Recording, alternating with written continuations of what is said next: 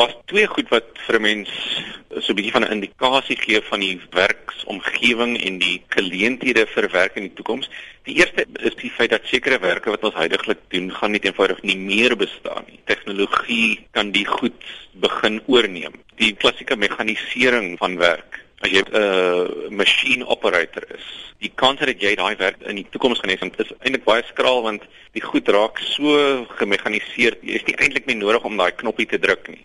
Selfs dinge soos telebemarking wat mense altyd gedink het is 'n baie menslike werk. Daar's al reeds getuienis daarvoor dat dit begin verdwyn. So rekenaar skakel jou, hy het jou inligting. Dis 'n outomatiese stem wat praat aan die agterkant. Hy sê vir jou hy weet toevallig jy hou elke jaar in Mossel Bay vakansie en dis 'n groot kettingwinkel in Mossel Bay wat vir jou 'n spesiale aanbieding het. Dit is skrikwekkend want wat gaan al die mense doen? Hulle word uitgeskakel deur masjiene. Die mekanisasie is 'n geweldige dreigement vir jou. En wat ons vir mense sê is as jy bang is dat 'n rekenaar jou werk gaan oorneem. Doen iets wat 'n rekenaar onwaarskynlik is om te kan doen. Dink oor wat maak 'n mens inherënt menslik? En eintlik in 'n sekere sin het die manier hoe organisasies ontwikkel het, het ons eintlik onmenslik gemaak. Dit is mos nou nie menslik om net voor 'n masjien te staan en elke 5 sekondes twee knoppies te druk. So eintlik is dit goeie nuus dat die onmenslikheid van sekere werke wat die industriële era nou veroorsaak het, dat dit besig is om te verdwyn. Maar jy moet jouself dan posisioneer vir hoe die toekoms dalk kan lyk. Dink aan hoe kan ek myself bekwam op 'n manier waar daar 'n baie lae waarskynlikheid is dat 'n rekenaar die ding gaan doen. Nou, wat is die eienskappe van so 'n tipe werk? Die een eienskap is dat dit is genuanceerd.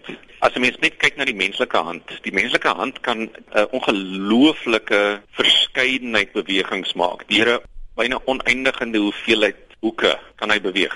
So as jy byvoorbeeld dink aan die werk van 'n tandarts, dit is iets wat 'n masjien nie maklik gaan regkry want die mens het daai vermoë om sy hand net so presies aan te pas by die persoon, sy fisiologie, presies waar is die probleem. Dit is iets wat nie maklik sal vergaan nie. Dink aan iets soos dominees en pastore en priesters en die tipe mense die nuances van daai werk is so groot dat dit is baie onwaarskynlik dat 'n rekenaar ooit so iets kan bepaal. Dink aan 'n uh, akteur en dit kry ons nou by die meer kreatiewe dimensie van die mens en dit is eintlik wat ons se mense sê dit is waar jy jouself moet bekwam. Jy moet jou kreatiewe vaardighede ontwikkel. Jy het nog steeds daai genuanceerde interpretasie van die ander mens se emosies.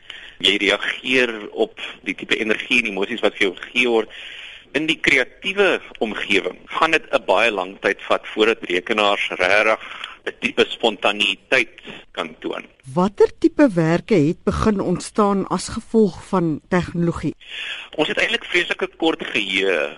As jy net dink hoeveel mense op die oomblik werk in die herstelwerk van selfone. Dit is honderde duisende mense wat in die produksie en herstel van selfone werknemers is. Maar as jy vir iemand 25 jaar gelede gesê het man oor 20 jaar dan is daar groot geleenthede in die omgewing waar jy 'n draagbare telefoon se elektronika kan herstel. Dan het hulle gesê maar jy is van jou sinne beroof. En nou is dit so alledaags, ons let dit nie eens op nie. Vir 100 jaar gelede is jy vir iemand gesê maar daar's 'n groot geleentheid om ligversorgers te installeer. Dan het hulle gesê maar dit is heeltemal verregaande. Jy praat van 'n ruimte eeu wat nooit gaan gebeur nie. Ek meen nou is dit so 'n pragmatiese deel van ons lewe. Ons dink nie eers twee keer daaroor nie. Die eerste iPhone het maar in 2007 verskyn. Ons besef net nie dat ons leef al reeds in 'n tyd wat onherkenbaar sou wees selfs 15 jaar gelede.